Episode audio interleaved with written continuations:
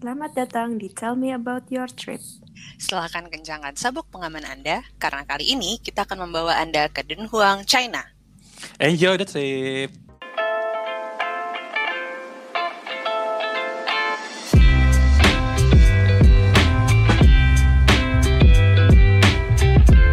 Halo, halo. Halo, Halo semuanya. Ketawa semua semangat banget hari ini. Semangat dong. Kayak gitu lagi karantina nih. Lagi ya, kembali PPKM, PLKJ. Lo tau PLKJ Iya. sih? PLKJ apa tuh? Ini Jakarta kan PPKN, apa? Ah. Ya udah deh nggak jadi kelawakan. Aduh, apaan sih ini? ya udah, selamat datang kembali. Selamat datang kembali di Tell Me About Your Trip. Halo semuanya. Episode kali ini kita lanjut lagi dari yang China. Kemarin kan udah Hmm. ke Zhangye sama yang pertama eh, apa namanya? Ke Juzaigo. Juzaigo. Nah, Juzaigo. kita ke Dunhuang nih lanjutannya dari trip yang kemarin. Iya, betul sekali. Gimana tuh? Ada apa di sana, Mas? Jadinya. Jadi, ada kota yang namanya Dunhuang di Cina itu. Mm-mm. Nah, kenapa gua berniat ke sana? Karena gua melihat sebuah foto yang menurut gua sangat unik di mana ada sebuah oase di sana. Yang Hmm. bentuknya adalah bulan sabit. Hmm. Nah, jadi kan cukup unik kan kalau kita jalan-jalan ke sana dan ternyata dari Zhangye itu nggak terlalu jauh ternyata. Jadi ya ya udah akhirnya gua putusin deh masukin Dunhuang ke trip gua yang di Cina, yang ke Cina ini. Hmm. Nah, Dunhuang ini sebenarnya dia itu letaknya di Gurun Gobi, gurun yang merupakan terbesar keenam di dunia. Oh, Tahu nggak kenapa tiba-tiba Yang pertama apa? ada? Yang pertama itu kalau Sahara. salah Ya, di di Arab deh, Sahara ya, Sahara ya. Oke. Terus terus. Nah, Terus, tahu nggak kenapa tiba-tiba ada gurun di tengah-tengah benua Asia yang jauh dari, Kenapa dari tuh? pantai gitu? Tahu nggak kenapa tuh? Kenapa? Ternyata ternyata setelah gua baca-baca nih ya, Heeh. itu tuh gara-gara uap air yang ada di Samudra Hindia itu ketahan sama pegunungan Himalaya sama dataran tinggi Tibet. Hmm. Jadi Oh. ya curah hujan di sana ya cenderung kering dibandingkan yang dekat-dekat daerah lainnya. Oh. Gara-garanya itu dan nggak semua eh, gurun di Gobi itu bentuknya sand dune gitu. Kebanyakan ya berapa ya bentuknya batu-batu kayak yang di Zhangye. Mhm. Nah, salah satu tempat yang ada sand dune-nya itu, itu ada di Dunhuang, dekatnya si Crescent Lake ini. Begitu. Nah, lanjutnya ya, setelah di Zhangye, gua itu ngambil kereta api. Hmm. Nah, setelah sampai, eh, sebenarnya Ki kalau mau ke Dunhuang itu bisa berbagai cara tuh. Ada via pesawat, via kereta ataupun via bus. Nah, kalau pesawat itu ya lo bisa ambil dari Beijing bisa, Lanzhou bisa, Urumqi bisa atau Xi'an pun bisa. Nah, nanti kalau mau ke kotanya dari pos dari apa dari bandara itu sebenarnya sekitar 10 menit. jalan kaki. Jadi kalau mau cara yang murah daripada ambil taksi dari bandara ke kota, mending ke stasiun kereta kemudian ambil bus dari sana. Oke. Nah, kalau kereta ya samalah seperti Zhangye, dia dilalui kereta yang melewati beberapa kota di daerah Silk Road. Jadi ya bisa ambil kereta mana aja lah yang berhenti di Dunhuang. Hmm. Kemudian kalau bus ya sama aja lo bisa dari berapa kota terdekat seperti ya Zhangye, Lanzhou juga dan kota-kota lain. Mm-mm. Nah, nah Sampai di stasiun, itu kan ada dua pilihan tuh antara naik taksi sama bus dan gua akhirnya pilih naik bus karena lebih murah tapi pas keluar itu kayak eh, para supir taksinya itu kayak rebutin kita gitu kayak narik-narik kita gitu ada mak-mak gitu dan narik ya sama cuma ini lebih apa ya lebih agresif lah. Oh, baik. Nah, kayak ada emak-emak tiba-tiba megang tangan gua, narik-narik gitu kan. Demi apa? Seriusan, Itu- seriusan kayaknya. Mamanya yang nyetir. Iya, yang nyetirnya. Jadi Oh, supirnya. supir taksinya kalau di Cina cowok cewek sebenarnya sama sih. Oke, oke. Nah, dari eh, stasiun kemudian gua ambil bus menuju ke pusat kota. Hmm. Nah, pusat kota Don, Don Huang.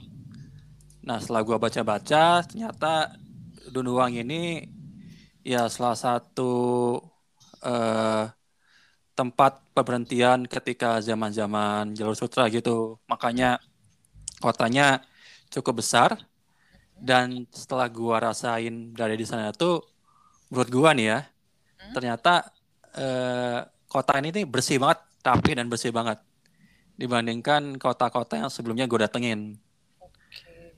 Jadi benar-benar bersih lah, bersihnya tuh parah lah, Baik. parah-parah. Nah udah sampai sana kan, kemudian kan gue turun di downtownnya nih.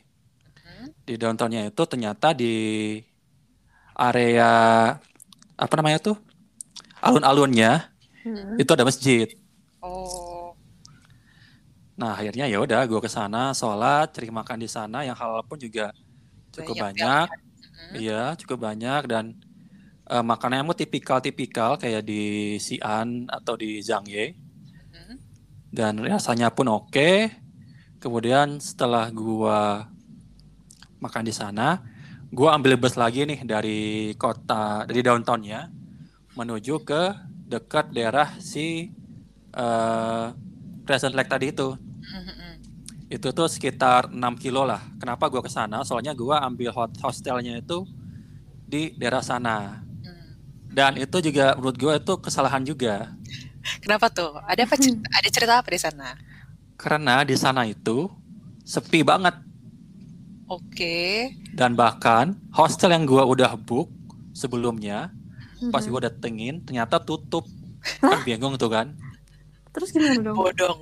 Akun bodong. Ya benar-benar tutup dan cuma ada kambing di sana pokoknya lah. Baik. Dan untungnya sebelahnya itu ada penginapan juga. Dan saat itu yang nginep cuma satu orang. Oh.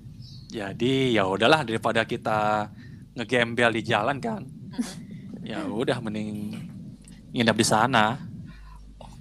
Eh, gue mau nanya ininya si tempat nginepnya. Maksudnya eh, lo kan pilih di situ di dekat si Crescent Lake itu karena biar apa pagi-pagi lo, lo mesti dari subuh gitu ya pengen lihat. Ya niatnya kayak pengen pagi-pagi ke sana, sunrise. Ah, Oke. Ujung-ujungnya sih ya eh, belum buka juga pagi-pagi. Oke, nggak berarti buat para pendengar, jadi nanti mendingan di downtown uh, Mending downtown, cari makan gampang, Betul. banyak kafe.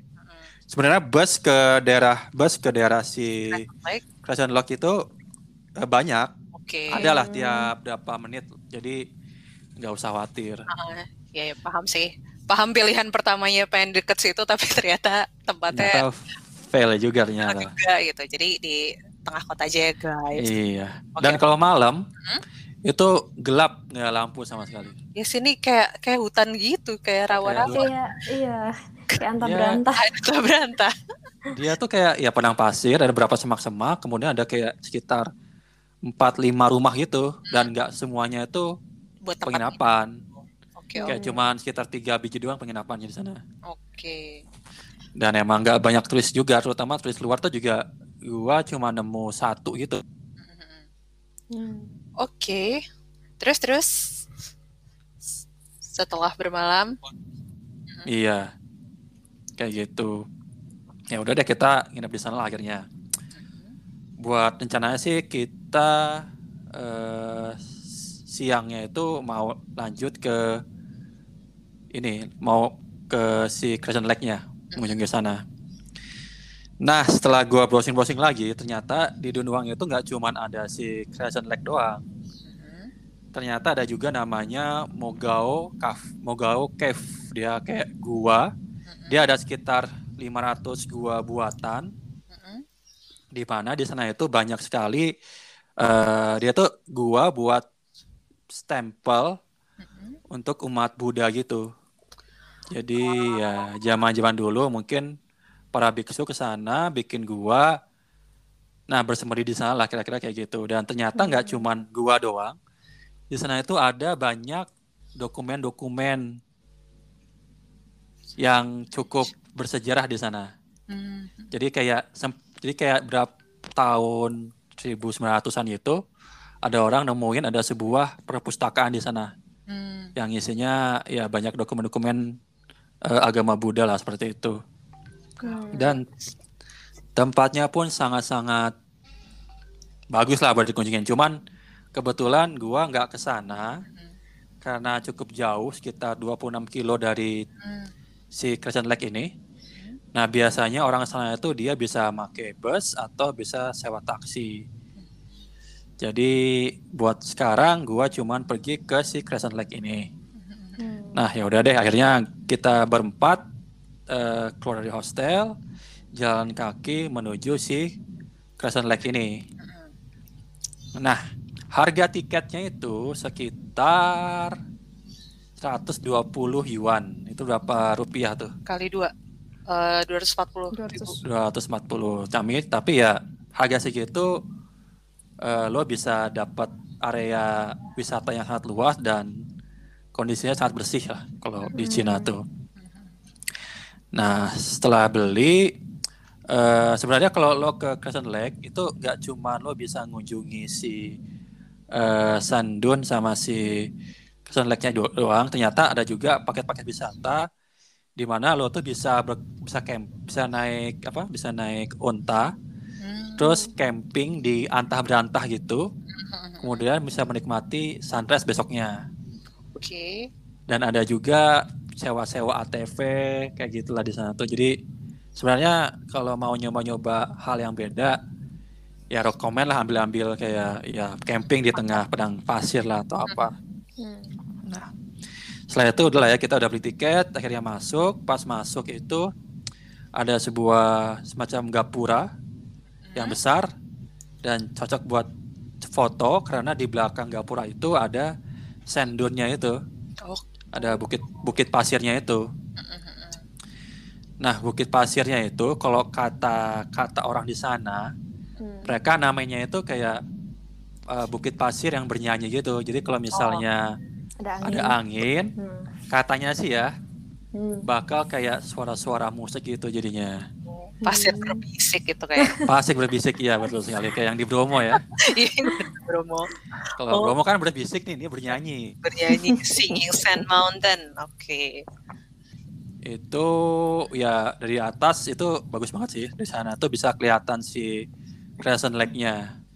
Dan ya jalannya pun nggak terlalu heboh sih, paling sampai ke puncaknya itu ya sekitar-sekitar setengah jam lah nyampe. Turunnya Nggak itu terlalu bisa ya? apa gimana? Si nggak terlalu curam ya kemiringan si sandunnya. Jadi nggak Cukup curam tapi nggak terlalu ya masih bisa sih. oh, nggak go apa sih biasanya kalau lo nginjek di pasir kan jadinya gobios-gobios gitu jadi susah naiknya gitu kok gobios jadi merosot ya Iya, berapa kali merosot sih tapi ya masih Oke, bisa masih. sih ya ya masalah lah buat Oke. apalagi buat dohet nih yang tukang jalan ya. Tapi itu itu panas nggak sih? Maksudnya kayak udaranya pas siang gitu panas trik banget. banget gitu atau? Sebenarnya trik banget cuman karena gua itu ke sananya pas fall pas musim semi Hmm. jadi dingin. Hmm, Kok fall musim semi sih, musim gugur. halu-halu dikit. Oke musim oke gugur. iya bener. Oktober kan lo ke sana ya? Oktober jadi dingin sih. Kayak mungkin ya sekitar sekitar 10 derajat sih waktu itu. Kalau Oh. misalnya pas winter nih ya itu bisa-bisa aja ada salju. ada ini mungkin salju mungkin di sana.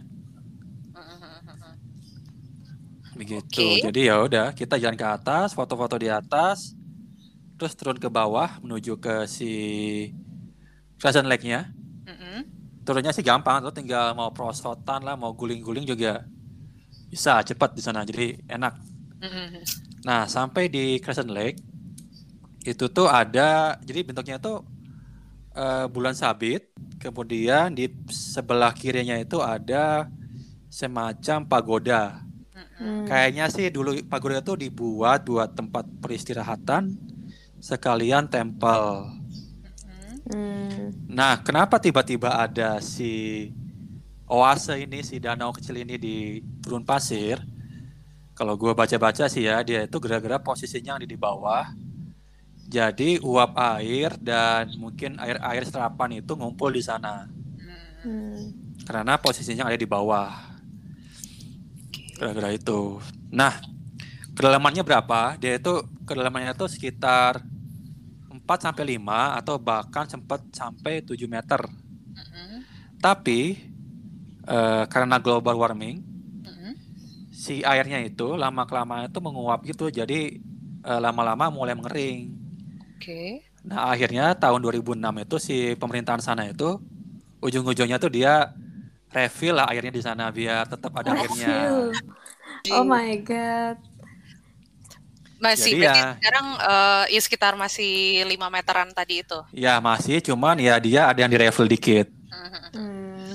setelah tahun 2006 itu biar tetap ada airnya.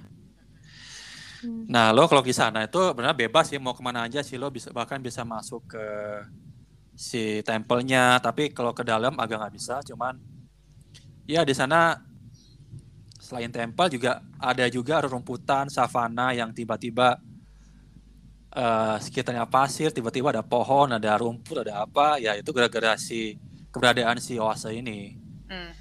Jadi dia punya cukup air buat si tumbuhan ini buat tumbuh Hmm. Nah airnya itu ya warnanya sih warna agak hijau, hijau kebiru-biruan dan bening juga. Jadi ya bagus lah buat dilihat di sana tuh.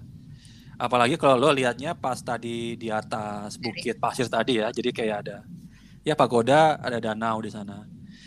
Jadi benar-benar unik lah. Pertama kali lah lihat lihat oase di tengah gurun dan benar-benar di kelilingnya itu benar-benar nggak ada apa-apa ya. Kalau pagodanya ada orangnya di dalam. Maksudnya ada yang berdoa di sana atau apa?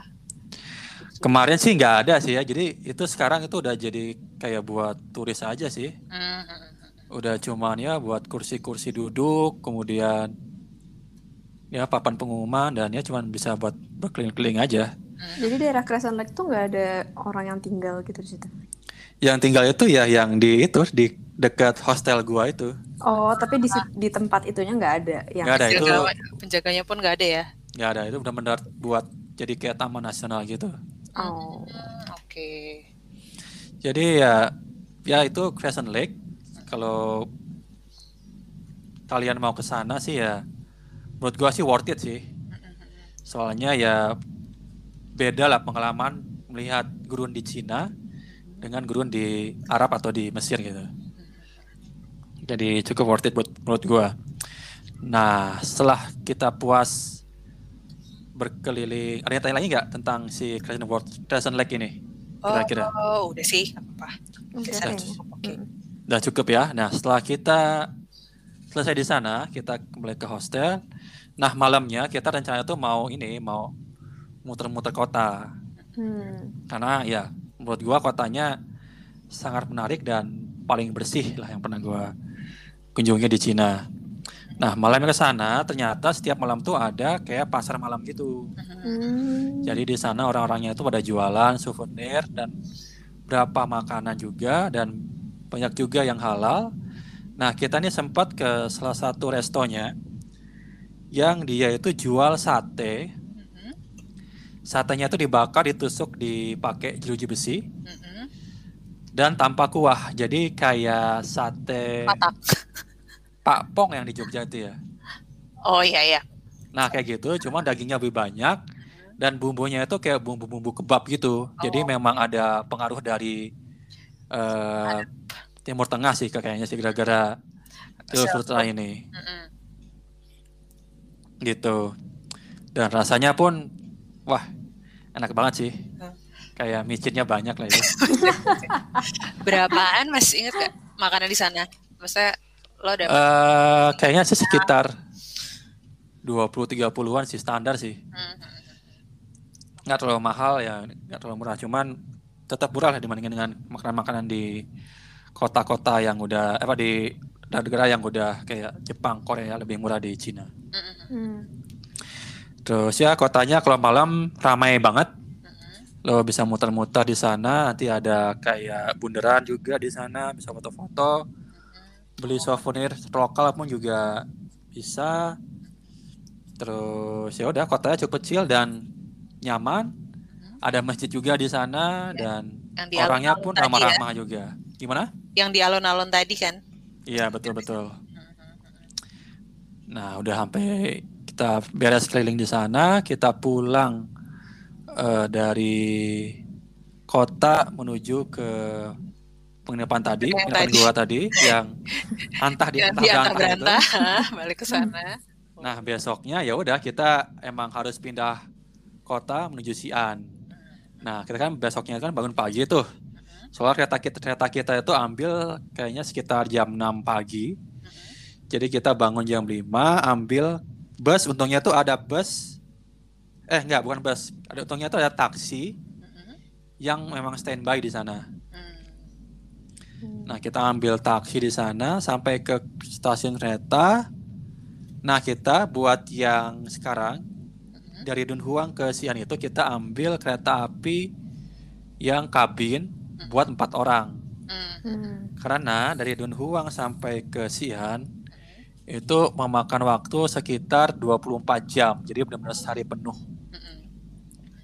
Jadi ya kalau misalnya gua ambil yang kursi ya atau yang kabin 6 orang kan agak-agak Rame ya. repot ya rame dan Hmm. tidur pun susah. Nah ini kita ambil yang empat orang. Jadi benar-benar kamar ada pintunya dan isinya itu cuman kita doang. Ini Nah. gue lihat eh, apa si Andunhuang itu 1700 km. Mhm. Gue tarik garis itu kayak Aceh Lampung. Jadi Oke. jauh sih. Jadi jauh banget lah. Ah, 24 jam ya. 24 jam full 24 jam. Mm-mm. Ya meskipun keretanya tuh bakal berhenti-berhenti di beberapa tempat sih. Hmm. Cuman ya tetap aja sih 24 jam duduk doang, tidur doang kan capek kan. Hmm. Ya udah, kalau si keretanya sih bagus, bersih, rapi, dan toiletnya pun bersih. Hmm. Dan ada satu kayak penjaga kayak penjaga kereta gitu di setiap Gerbong. gerbongnya. Jadi kalau lo butuh apa-apa, tinggal ketok kabinnya dia atau tawarin makanan atau apa. Dia Dia jual jual-jual pop mie atau Hmm. makanan-makanan berat, nasi atau nasi babi. Oh, Jadi ya alternatif kita yang alternatif Alternatif gua yang makannya ya pop mie jadinya selama 24 jam itu. mhm. Oh, lo nggak nyetok makanan? Waktu itu sih Nggak. enggak sih. Oh, Sempat kebetulan enggak sih. Jadi ya kita bermodalkan pop mie aja sih makan di sana bertahan selama 24 jam. Kalau landscape selama di perjalanan sih bagus ya. Dia ya ada gurunnya, lewatin siangnya juga kelihatan gurunnya juga. Hmm. Nah, setelah 24 jam itu ya akhirnya kita sampailah di Xi'an. Jadi gua tuh pergi pagi, nyampe Xi'an pun pagi lagi. Mhm. Begitu. Kira-kira ada yang mau ditanyain gak nih tentang Dunhuang ini? Dunhuang nih kayak gue ada fun fact menarik seperti biasa. Nah, apa tuh? Jadi, menurut Menurut Wikipedia, C. Jadi Dunhuang itu tuh eh, lokasinya sebenarnya gue juga eh, kurang paham eh, petanya, cuman lokasinya Ah. itu emang eh, berada di eh, sebagai satu dari empat frontier eh, ko- kota yang apa ya? Jadi yang kota ujung un- selama eh, zaman perang gitu, eh, zaman emperor. Nah, jadi eh, dia bikin fort juga di sana. Terus Hmm. uh, nama Dunhuang itu artinya adalah blazing beacon, uh, Hmm. yang uh, refers to beacon lit to warn the attack by uh, uh, surrounding nomadic tribes. Jadi ya, dia kan empat uh, salah, sa- salah satu kota dari empat kota yang di ujung-ujung. Nah jadi Hmm. itu dia menandakan kalau ada musuh atau apa dia blazing beacon. Jadi dia ngasih ngasih tanda gitu buat warga yang di dalam empat uh, titik itu gitu. Ada musuh ada musuh katanya gitu. Itu Hmm. secara nama.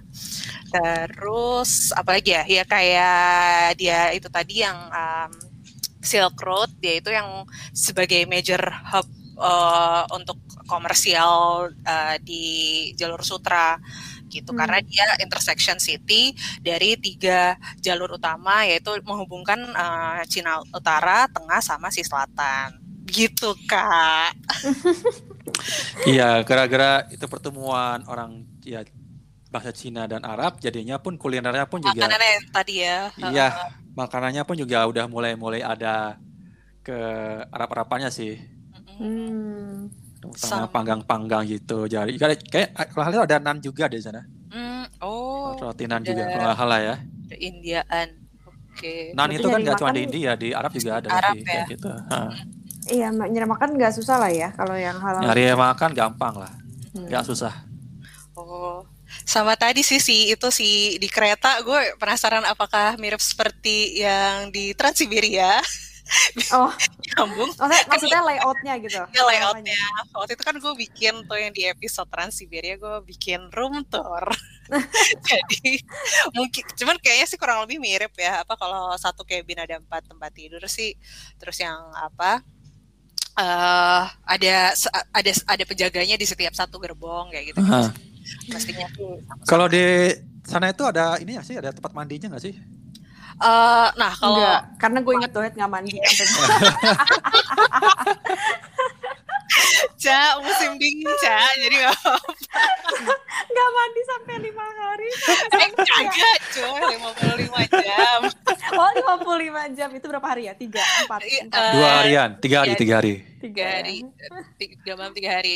Gerbong gue itu, kan gue yang sama tuh kelas kelas 2. Nah, gerbong gue itu cuman kamar mandi doang kan di ujung kiri, apa, ujung depan sama ujung belakang. Nah, Nah, kalau ada showernya tuh di gerbong yang lain, tapi yang buat kelas 1 gitu. Tapi gerbong lo itu isinya nggak cuma lo doang kan? Enggak. Eh. Ada orang juga kan yang Oh iya, iya, iya. Masa satu gerbong disewa? soalnya kayak ada orang yang datang pergi lagi gitu kan. Oh iya, ya. kan gue cuman berdua di empat uh, bed, jadi ya dua di bawah gue tuh ganti-gantian aja. Kiri kanan pun juga naik turun naik turun gitu orang-orangnya. Tapi lo nggak nanya kenapa dia orang itu kok tiba-tiba pergi gitu. Siapa tahu kenapa lo nggak mandi bau gitu kan. Oh. Kalau gua kan ini isinya gua-gua doang nih sama teman-teman gua. Jadi ya Kenapa? kalau bau-bau ya harap maklum lah. Gak dong, itu pas lagi minus 10 derajat, jadi nggak kecium apa-apa. Tenang aja. Oh iya sih. Kayak hidungnya udah ini deh, udah apa tidak bisa mencium apa-apa ya. Betul. Iya sih, gua kan kecenennya juga waktu ini kan waktu Iya, iya. fall kan dingin kan. Jadi emang keringetan tuh emang nggak muncul. Ya, kalau summer wassalam sih. Kalau sama sih ya udah sih. Bau-bau lah itu di gerbong. Gitu. Oke, menarik sekali nih yang di Dunhuang. Berarti Ja, jadi ya pokoknya eh, kalau ke Cina melewati kalau mau tur Silk Road, Mm-mm. Hmm. nah si Dunhuang ini salah satu spot yang harus dikunjungi. Soalnya selain dia punya oase, Hmm. dia juga jadi situs yang penting buat umat Buddha gara-gara ada si Mogao Cave-nya itu. Oh, Di mana di sana itu ya ada lukisan-lukisannya, tempelnya sampai 500 gua, Hmm. eh maksudnya 500 tempel di dalam gua itu. Kemudian ada juga dokumen-dokumen dokumen penting di dalam gua itu. lucu Jadi- sih, Ca. Gambarnya gue googling Mogao Caves ini. Oh iya. Dia ada kayak bangunan gitu ya di di kayak tiba-tiba pink ada bangunan gitu kan. Hmm. Ah, si si kayak apa kayak dipahat gitu terus di Iya, iya, kayak ini ya, eh, kayak aku pernah nonton si Joanna di Turki gitu. Ah, ah, banyak gambar-gambar ini di di tembok gitu sampai di langit-langit juga. Hmm. Oke.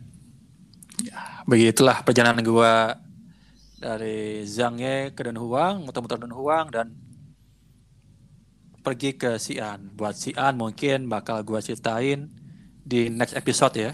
Oke. Yap, yap, yap. Karena Xi'an ini pun juga kota yang bisa dibilang paling penting lah di jalur sutra Hmm. karena dari sejarahnya dan bentuknya pun sangat sangat menarik.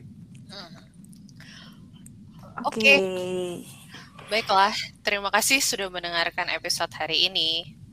Uh, oh ya, nanti cek di ini juga di apa di Instagram. juga. Instagram, Nanti ada foto-foto. fotonya si Mm-mm. Crescent Lake, terus si si temple-nya tadi, Mm-mm. kotanya sendiri juga nanti ada fotonya di sana. Jangan lupa dicek, Gage. Oke, terima kasih sudah mendengarkan. Terima kasih semuanya. Dah. Dah.